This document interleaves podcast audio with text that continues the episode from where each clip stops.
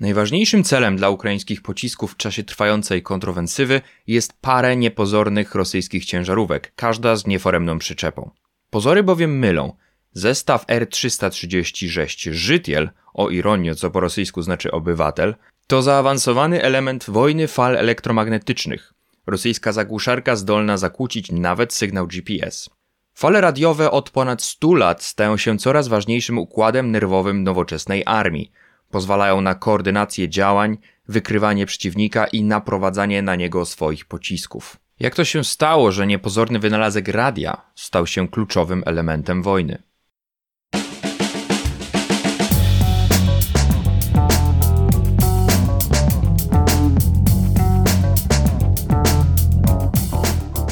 Cześć, z tej strony Bartosz Paszcza, jestem analitykiem danych i analitykiem technologii. W mediach mówię i piszę też o plusach i minusach rozwoju technologicznego, a część z Was kojarzyć może mnie na przykład z poprzedniego podcastu, czyli z Ceptechu. Tutaj, e, w podcaście, w którym Paszcza Paszczą mówi o technologiach, ruszymy w podróż przez trwającą erę techniki, od pierwszej maszyny parowej po komputery kwantowe i jeszcze dalej. Zapraszam. Przekaz informacji zawsze miał kluczowe znaczenie na polu bitwy. Co ciekawe, europejska cywilizacja aż do końca XVIII wieku, czyli do czasu rozbiorów Polski, ustępowała innym w szybkości przesyłania informacji. Na samym polu bitwy korzystano ze znaków graficznych, czyli np. chorągwi oraz dźwiękowych, czyli przeróżnych trąb, trąbek, rogów i fletów ale na większe odległości Europa potrafiła przekazać informacje zasadniczo stępem człowieka, poruszającego się statkiem lub na koniu. Tymczasem na przykład cywilizacje afrykańskie opracowały system przekazu dźwiękowego przy pomocy tamtamów, które potrafiły przekazać na duże odległości zakodowane informacje z prędkością, no niemal prędkością dźwięk. W Ameryce z kolei tamtejsi mieszkańcy rozwijali dźwiękowe i dymne systemy przekazu informacji, choć wbrew niektórym westernom dymne przekazy miały tutaj gorszą skuteczność, bo wiejący w różne strony wiatr potrafił zakłócić przekaz. Dopiero w okresie napoleońskim Europa zaliczyła krok do przodu. Francuz Claude Chappe stworzył system wież z ustawianymi w określony sposób ramionami. Te przypominające wiatraki konstrukcje, ustawiając odpowiednie zgięcie drewnianych ramion i łokci, pozwalały przekazać kolejne symbole czuwającym na kolejnej wieży, którzy następnie powtarzali sygnał. To oczywiście było o wiele szybsze niż pędzący na złamanie karku najlepszy nawet koń. Rozwijając ten system, Napoleon był w stanie zarządzać swoim wielkim imperium, w tym błyskawicznie gromadzić swoje wojskowe siły – a to właśnie koncentracja wojsk przez długie lata zapewniała mu lokalną przewagę nad generalnie przeważającymi siłami kolejnych koalicji. Technologia przekazu informacji pozwoliła jednej stronie uzyskać przewagę nad drugą.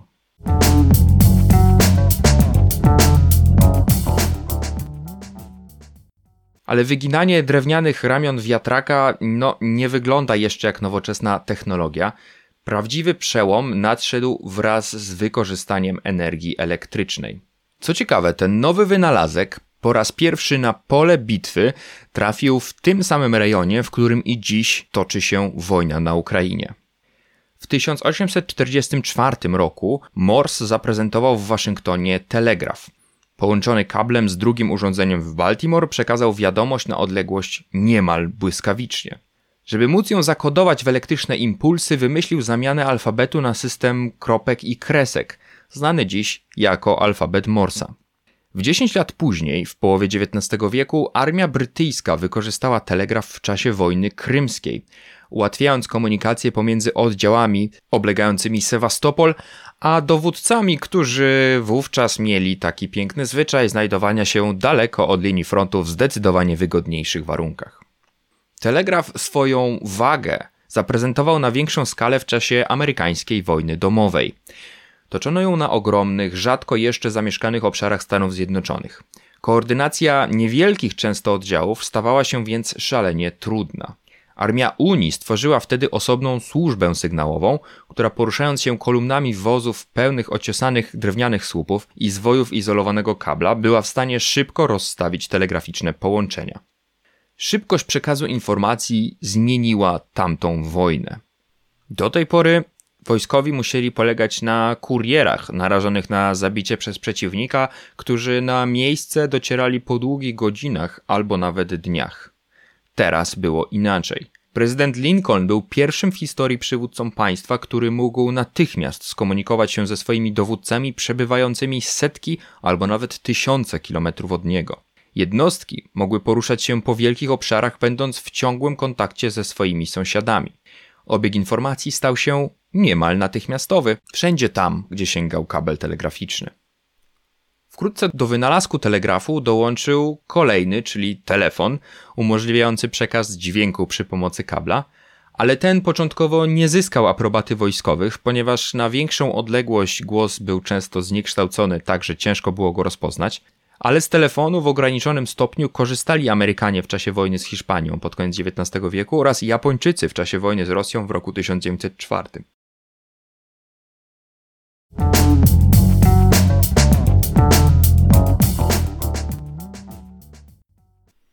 Był 13 maja 1897 roku. Guillermo Marconi, stojąc przy skonstruowanym przez siebie aparacie, był gotów do kolejnego testu. Przeprowadzone do tej pory próby nie przyniosły rezultatu. Członkowie jego zespołu zgromadzeni po drugiej stronie kanału bristolskiego w walijskiej miejscowości Lavernock nie usłyszeli jego komunikatu. Aparat Marconiego był bowiem inny niż urządzenia telegraficzne. Co prawda zwisało wokół niego sporo kabli, ale z drugim aparatem w Lavernock nie łączył go podmorski przewód. Telegraf po raz pierwszy miał wiadomość przekazać bezprzewodowo, co wielu fizyków wówczas uważało za niemożliwe ze względu choćby na krzywiznę Ziemi. Rok wcześniej ten młody włoski wynalazca, Marconi, przyjechał do Anglii. Od kiedy usłyszał o dokonaniach niemieckiego fizyka Heinricha Herza, eksperymentował z falami elektromagnetycznymi. W grudniu 1894 roku dwudziestoletni zaledwie Guillermo zaprezentował matce, jak naciskając przycisk na urządzeniu nadawczym spowodował włączenie się dzwonka podłączonego do urządzenia odbiorczego na drugim końcu swojego pokoju. Jednak we Włoszech jego dokonania nie zwróciły większej uwagi. Marconi postanowił więc wyemigrować gdzieś, gdzie będzie miał szansę na docenienie. W maju 97 roku w końcu się udało. Z walijskiej wyspy Flatholm, początkowo ponad 6 kilometrami oceanu, popłynęła dobrze znana nam z pandemicznych zdalnych spotkań w pracy wiadomość: Czy jesteście gotowi? Wkrótce nadawca przeniósł się na stały angielski ląd i z hrabstwa Somerset na odległość już 16 km również skutecznie przekazał informacje. Do tej pory nikt w historii świata nie wysłał jeszcze przy pomocy impulsów elektrycznych wiadomości poza horyzont, zupełnie bezprzewodowo. Marconi był pierwszy. Radio szybko zaczęło robić karierę, ale nie od razu zdobyło sympatię wojska. W czasie I wojny światowej armie na szeroką skalę korzystały z telefonów połączonych kablowo. Plątaninę kabli często przerywał jednak ostrzał artyleryjski. Wydawało się więc, że radio będzie idealnym rozwiązaniem. Tak jednak nie było. Częściowo ze względów technologicznych radia były wielkie, ciężkie, a ich baterie starczały na krótko. Wojska lądowe niechętnie więc korzystały z radia. Nieco inaczej sprawa miała się w marynarce, gdzie będące w ruchu okręty nie miały komfortu ciągnięcia za sobą kabli. Inaczej sprawa miała się także w rodzącym się lotnictwie. O ile obserwacyjne balony jeszcze mogły być połączone telefonicznym przewodem z Ziemią, chociaż był on wygodnym celem do przerwania komunikacji, o tyle samoloty początkowo zdane były na zrzucanie komunikatów w formie papierowej lub sygnalizowanie sobie rozkazów przy pomocy rąk. Dla lotników, choć radio wciąż miało niewielki zasięg, często sięgający niewiele ponad kilometra, było krokiem naprzód. Ale z radiową komunikacją był jeszcze jeden problem. Wysyłaną w eter wiadomość mogli przechwycić przeciwnicy, odczytując w ten sposób zamiary wysyłającego. Zaczęła się wielka rywalizacja kryptograficzna, wyścig w sposobie kodowania wiadomości z tymi, którzy próbowali kody łamać.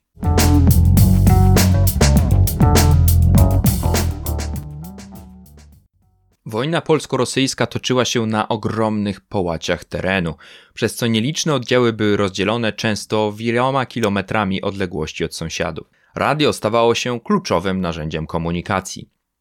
Kiedy Rosjanie podchodzili pod Warszawę, jasnym stało się, że jeśli chodzi o radio, duży może więcej. Mocniejsze nadajniki z warszawskiej cytadeli znajdowały częstotliwości używane akurat przez Sowietów i następnie zagłuszały je, na przykład czytając Biblię, przez co Sowieci nie słyszeli swoich własnych rozkazów. Ważniejszy dla sukcesu polskiej kontrowensywy był jednak grzebień porucznika Jana Kowalewskiego.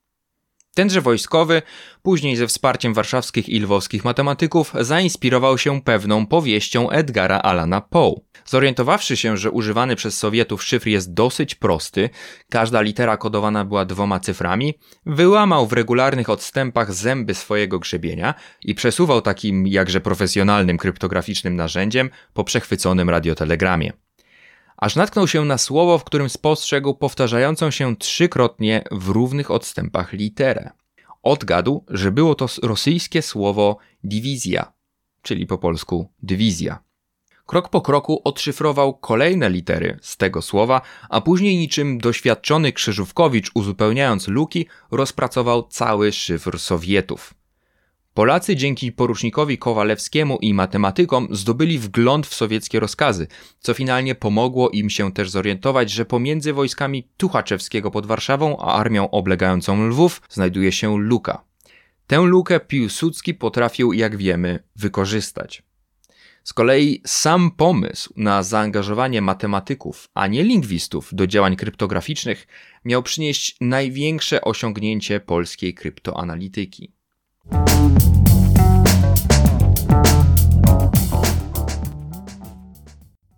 Był poranek 25 lipca 1939 roku.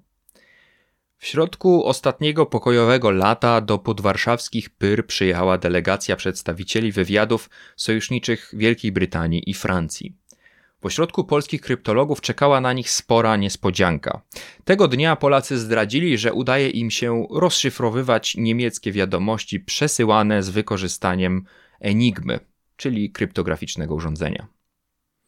Dilly Knox, późniejszy szef ośrodka w Bletchley Park, był zaskoczony, a później wręcz gniewnie dopytywał Polaków, czy to aby na pewno sprawka polskich kryptologów, a nie polskiego wywiadu, który po prostu wykradł Niemcom gotowe urządzenie.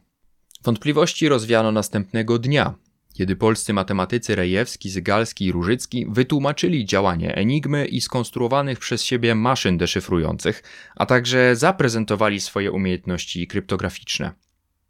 Historia złamania Enigmy bez wątpienia zasługuje na osobny odcinek. To fascynująca opowieść nie tylko o przedwojennym dokonaniu Niemców, ale też późniejszych losach polskich kryptologów, a także o wyścigu zbrojeń pomiędzy doskonalącymi zabezpieczenia Niemcami, a próbującymi je łamać aliantami. To historia pełna zupełnie tajemniczych wątków, wśród których jest śmierć jednego z polskich matematyków, zepchnięcie pozostałej dwójki na margines, pozostawienie ich w kolaborującej Francji Vichy. Ale niezależnie od późniejszych losów, bez wątpienia polskie osiągnięcie było fundamentem, na którym później, choć przez lata zupełnie niechętnie się do tego przyznawali, Brytyjczycy zbudowali pod wodzą Alana Turinga swój ośrodek w Bletchley Park. Udoskonalonej wersji Enigmy Polacy sami pokonać już nie mogli ze względu na ograniczone środki biednego polskiego państwa, a przez to niemożność budowy odpowiedniej liczby maszyn do deszyfrowania, tzw. Tak kryptograficznych bomb. Takich problemów nie mieli Brytyjczycy, a szczególnie budujący sprawniej działające bomby Amerykanie, i w czasie wojny to właśnie Anglosasi uporali się z udoskonalonymi niemieckimi kodami.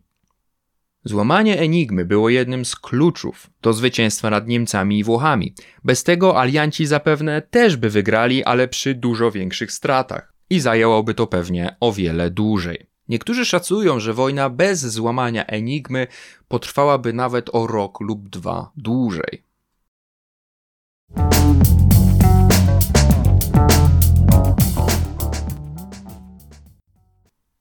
W czasie II wojny światowej radio z ciekawostki, do której podchodzono w wojsku dosyć sceptycznie, stało się kluczowym narzędziem także dla wojsk lądowych. Niemiecki Blitzkrieg oparty był także o łączność radiową. Radiostacje znajdowały się bowiem w każdym niemieckim czołgu. To pozwalało koordynować działania właśnie czołgów, piechoty, artylerii, od razu wzywać wsparcie lotnictwa. Armia polska niestety była technologicznie zacofana również i w tym wymiarze. Na pułk, czyli jednostkę liczącą 1400 osób, przypadały zaledwie dwie radiostacje. Ale alianci zachodni, a później dzięki ich wsparciu także i Sowieci, nadrobili dystans. To właśnie w czasie tej wojny upowszechniły się na przykład podręczne walkie-talkie, małe radiostacje zabierane przez każdą grupę kilkudziesięciu żołnierzy na linię frontu, które zapewniały im bieżącą komunikację z dowództwem. Fale radiowe przyczyniły się także do zwycięstwa w innym, nowym wymiarze lokalizacji przeciwnika. Już przed wojną wiele państw eksperymentowało z rejestrowaniem fal odbitych od przedmiotów, w szczególności przedmiotów przypominających wojskowe okręty czy samoloty. Ale to Brytyjczycy jako pierwsi zbudowali łańcuch wysokich masztów, który oplatał południe Anglii. Połączone w system pozwalały wcześniej wykrywać nadlatujące samoloty.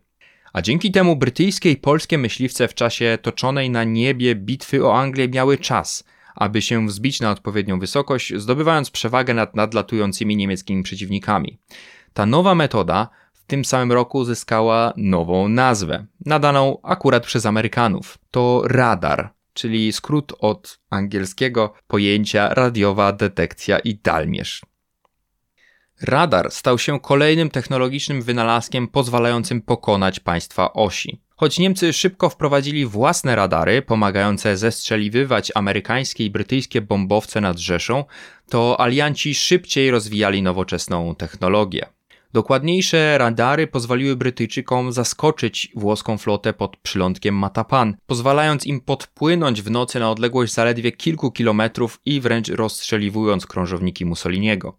Amerykanie dzięki radarowi zaczęli zwyciężać Japończyków w nocnych walkach morskich wokół wyspy Guadalcanal. A jeśli chodzi o niemieckie radary, i na to pewien sposób znaleźli zachodni alianci, bowiem wypuszczali myśliwce wyposażone w paski folii, które docięte na odpowiednią odległość i w swojej masie milionów zrzucanych nad rzeszą pasków dawały radarowe echo niczym wielka formacja bombowców, tym samym myląc niemiecką obronę.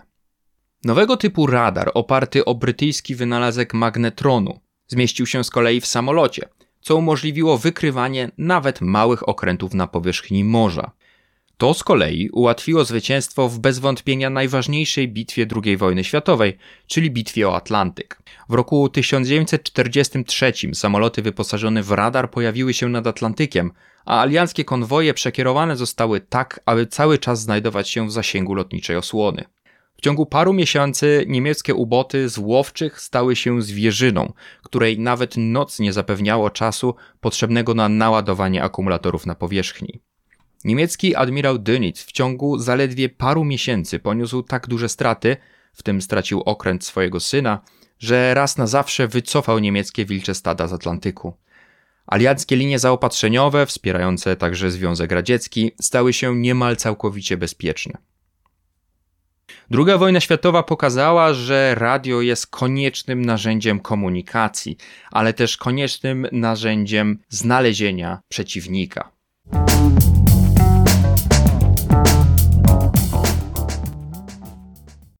Zanim przejdziemy dalej, chciałbym ogłosić wyniki ostatniej ankiety o tym, o czym mam nagrać odcinek.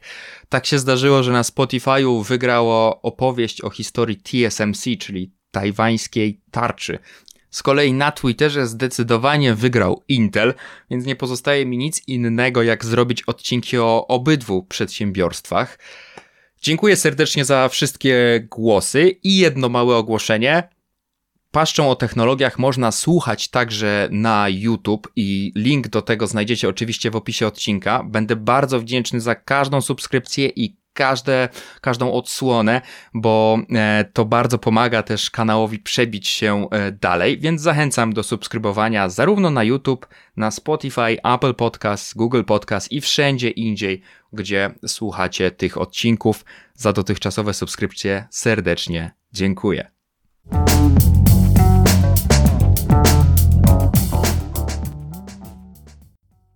Kiedy po II wojnie światowej pojawił się tranzystor, w marzeniach wojskowych i technologów powstała wizja jeszcze bardziej zaawansowanego technologicznie pola bitwy. Pierwsze układy scalone, produkowane przez pioniera tej technologii, założoną w przyszłej Dolinie Krzemowej firmę Fairchild Semiconductor, trafiły do rakiet balistycznych z głowicami jądrowymi. Kolejne partie zasiliły amerykański program kosmiczny. To właśnie Amerykanie, korzystając ze swojej technologicznej przewagi nad Związkiem Radzieckim, postanowili zawierzyć wojsko technologii. Powstały na początku lat 60. nowy myśliwiec F-4 był już zupełnie pozbawiony działek i karabinów, które były główną myśliwską bronią jeszcze w czasie II wojny światowej. Przeciwnika nowy myśliwiec miał zwalczać dzięki pokładowemu radarowi oraz rakietom powietrze-powietrze, które same naprowadzałyby się na samoloty przeciwnika dzięki falom elektromagnetycznym. To zaufanie wobec świeżej wciąż technologii przeszło surowy, negatywny test w czasie wojny w Wietnamie. Okazało się, że amerykańskie cuda techniki w postaci naprowadzanych radarowo rakiet Sparrow nie trafiały w cel aż w 91% przypadków. Kierujące się na ślad termalny północno-wietnamskich migów pociski Sidewinder nie trafiały w aż 80%. Nawet w dobrych sytuacjach rakiety potrafiły nagle skręcać w złą stronę czy przedwcześnie wybuchać. Złożone systemy elektroniczne nie działały jeszcze wystarczająco stabilnie. Amerykańscy piloci byli do tego stopnia rozczarowani, że domagali się w trybie awaryjnym przywrócenia ich samolotom działek, bo po wystrzeleniu wszystkich rakiet i obserwowaniu ich podniebnych szaleństw nie mieli już jak strzelać do przeciwników. Trudne lekcje wojny w Wietnamie nie zniechęciły jednak Amerykanów. Winnym okazała się młoda technologia, ale przede wszystkim zbyt idealne warunki jej testowania. Wrócono więc na poligony i do wyimaginowanych pojedynków z przeciwnikiem, a jeszcze mocniej postawiono na technologiczny rozwój. Parę lat później okazało się, że nowoczesne przeciwlotnicze ręczne wyrzutnie w rękach mujahedinów w Afganistanie pozwalają jednak trzymać w ryzach nawet ogromne siły lotnicze Sowietów. Ale ostateczny test dla zaawansowanego technologicznie pola walki przyszedł w czasie operacji Pustynna Burza w Iraku. Po raz pierwszy od Wietnamu Amerykanie wyszli naprzeciw uzbrojonej w nowoczesny poradziecki sprzęt armii. Tym razem pełne zwycięstwo zajęło tylko parę dni. Amerykanie mieli przewagę informacyjną, w tym w postaci krążących nad głowami samolotów dowodzenia z wielkimi radarami. Na ziemi wojska koalicji dzięki rozwiniętej komunikacji potrafiły koordynować działania lądowe, morskie i lotnicze wielu jednostek. Naprowadzane pociski różnych kategorii znacząco poprawiły celność. Dość powiedzieć, że sterowane laserowo bomby stanowiły jedynie 9% całej wagi wystrzelonych przez siły koalicji pocisków, ale odpowiadały aż za 75% zniszczonych strategicznych celów. Dekady inwestycji w nowatorskie, zaawansowane technologie, podporządkowanie pola bitwy falom elektromagnetycznym i elektronowym mózgom okazało się sukcesem.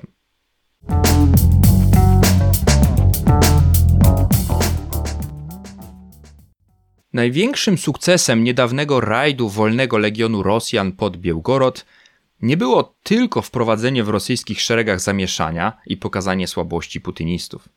Niewielka grupa zdobyła niepozorną ciężarówkę z przyczepą. Jak wspominałem, pozory mylą. W ciężarówce i przyczepie znajdował się zaawansowany rosyjski system walki radioelektronicznej o nazwie Żytiel, w kwietniu w wypadzie za linię wroga ukraińskie siły specjalne zniszczyły podobny system na Zaporożu. W maju kolejny z takich nielicznych zestawów dopadła ukraińska artyleria. Rosyjskie zagłuszarki, udoskonalone od wybuchu wojny, wydają się być całkiem skuteczne i dlatego stały się dla Ukraińców celem numer jeden. W Bachmucie Ukraińcy donosili o utrudnieniach w komunikacji ze swoimi oddziałami. Dokumenty amerykańskiego Departamentu Obrony donoszą, że kierowana amunicja JDAM, rozwinięta po sukcesach w czasie pustynnej burzy w Iraku, jest czasami skutecznie zagłuszana przez Rosjan. Z kolei nagrania z ostatnich tygodni pokazują mniejszą niż spodziewano celność precyzyjnej zachodniej artylerii. Zamiast trafiać w promieniu do 3 metrów od celu, często pocisk uderza nawet kilkanaście metrów obok, co pokazał na przykład analityk Jarosław Wolski na Twitterze to być może efekt działania właśnie zagłuszaczy systemu GPS stosowanych w urządzeniach Żytiel, przez co pociski muszą kierować się mniej dokładnym, inercyjnym systemem kierowania. Nie miejmy złudzeń, one najczęściej wciąż ciężko uszkadzają obiekty przeciwnika, ale mniejsza celność może oznaczać na przykład mniejsze uszkodzenia czy brak zniszczenia celu.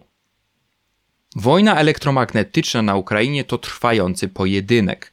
Amerykanie nie zdradzają oczywiście detali swojej broni, ale naprowadzana amunicja JDAM została już swego czasu wyposażona w układy zdolne odsiać zaszyfrowany sygnał GPS pośród szumu zagłuszarek. Mówi się także o tworzonych zdolnościach do zignorowania przez taki pocisk sygnału z konkretnego kierunku, w którym znajduje się rosyjski żytiel. Ukraińcy sami w sobie też nie pozostają dłużni. Zagłuszana przez obie strony jest na przykład komunikacja z dronami, pozbawiająca przeciwnika oczu z góry na całe pole bitwy. OBWE w grudniu 2022 roku donosiło, że o ile Rosjanie na początku wojny zagłuszali komunikację w czasie 16% lotów ukraińskich dronów, w kwietniu było to już niemal 60%. W maju 2023 roku mówiło się, choć tu trudno o potwierdzenie, że Ukraińcy tracą nawet 10 tysięcy dronów miesięcznie. Rosyjska armia jest na szczęście wciąż jednak rosyjską armią. Według doniesień zespołu brytyjskiego państwowego think tanku Royal United Service Institute, czyli RUSI, przy okazji zagłuszali często i doprowadzali do zniszczenia całkiem sporą liczbę własnych dronów unoszących się nad polem bitwy. Co więcej, w czasie trwającej kontrofensywy, według przeróżnych nieoficjalnych doniesień, Rosjanie bardzo narzekają na braki w dronach i na niewystarczającą ich liczbę, co pokazuje, że Ukraińcy w niszczeniu dronów przeciwnika czy zagłuszaniu ich komunikacji również są skuteczni. Obszarem walki jest też komunikacja. Na początku wojny sporo było przechwyconych telefonów pomiędzy rosyjskimi wojskami a rodzinami w Rosji. W raporcie wydanym przez wspomniany think tank Rusji zaledwie tydzień po początku wojny wskazywano, jaki bałagan panuje wśród rosyjskich radiostacji. Po pokonanych Rosjanach znajdowano na przykład radio Baofeng, które nie miały godnego wojska szyfrowania. Pewien rosyjski żołnierz miał zeznać Oficerowie zaczęli stawać coraz dalej od linii frontu. Obecnie to są już poza zasięgiem radiostacji, nikt nie może się z nimi skontaktować.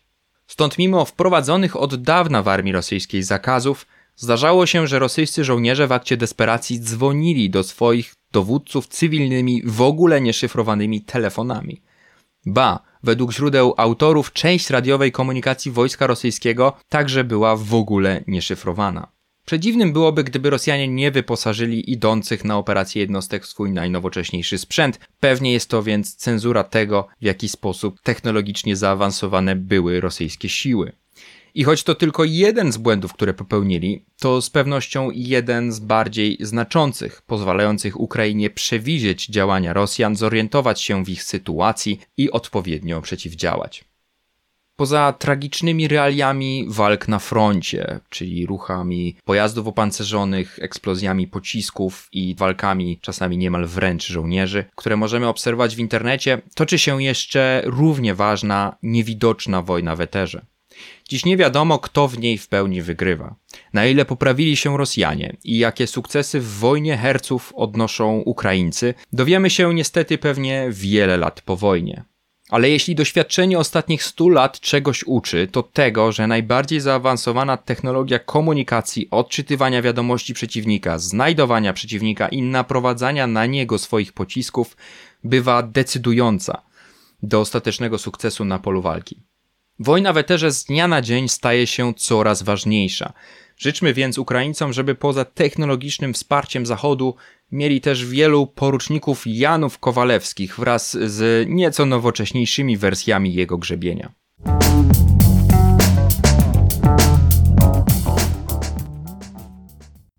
Dzięki to już wszystko na dziś, więc jeszcze tylko krótkie przypomnienie. Zachęcam do subskrypcji zarówno podcastu, który znajdziecie na Spotify, Apple i Google Podcast, jak i nowego kanału na YouTubie. Linki znajdziecie w opisie odcinkach.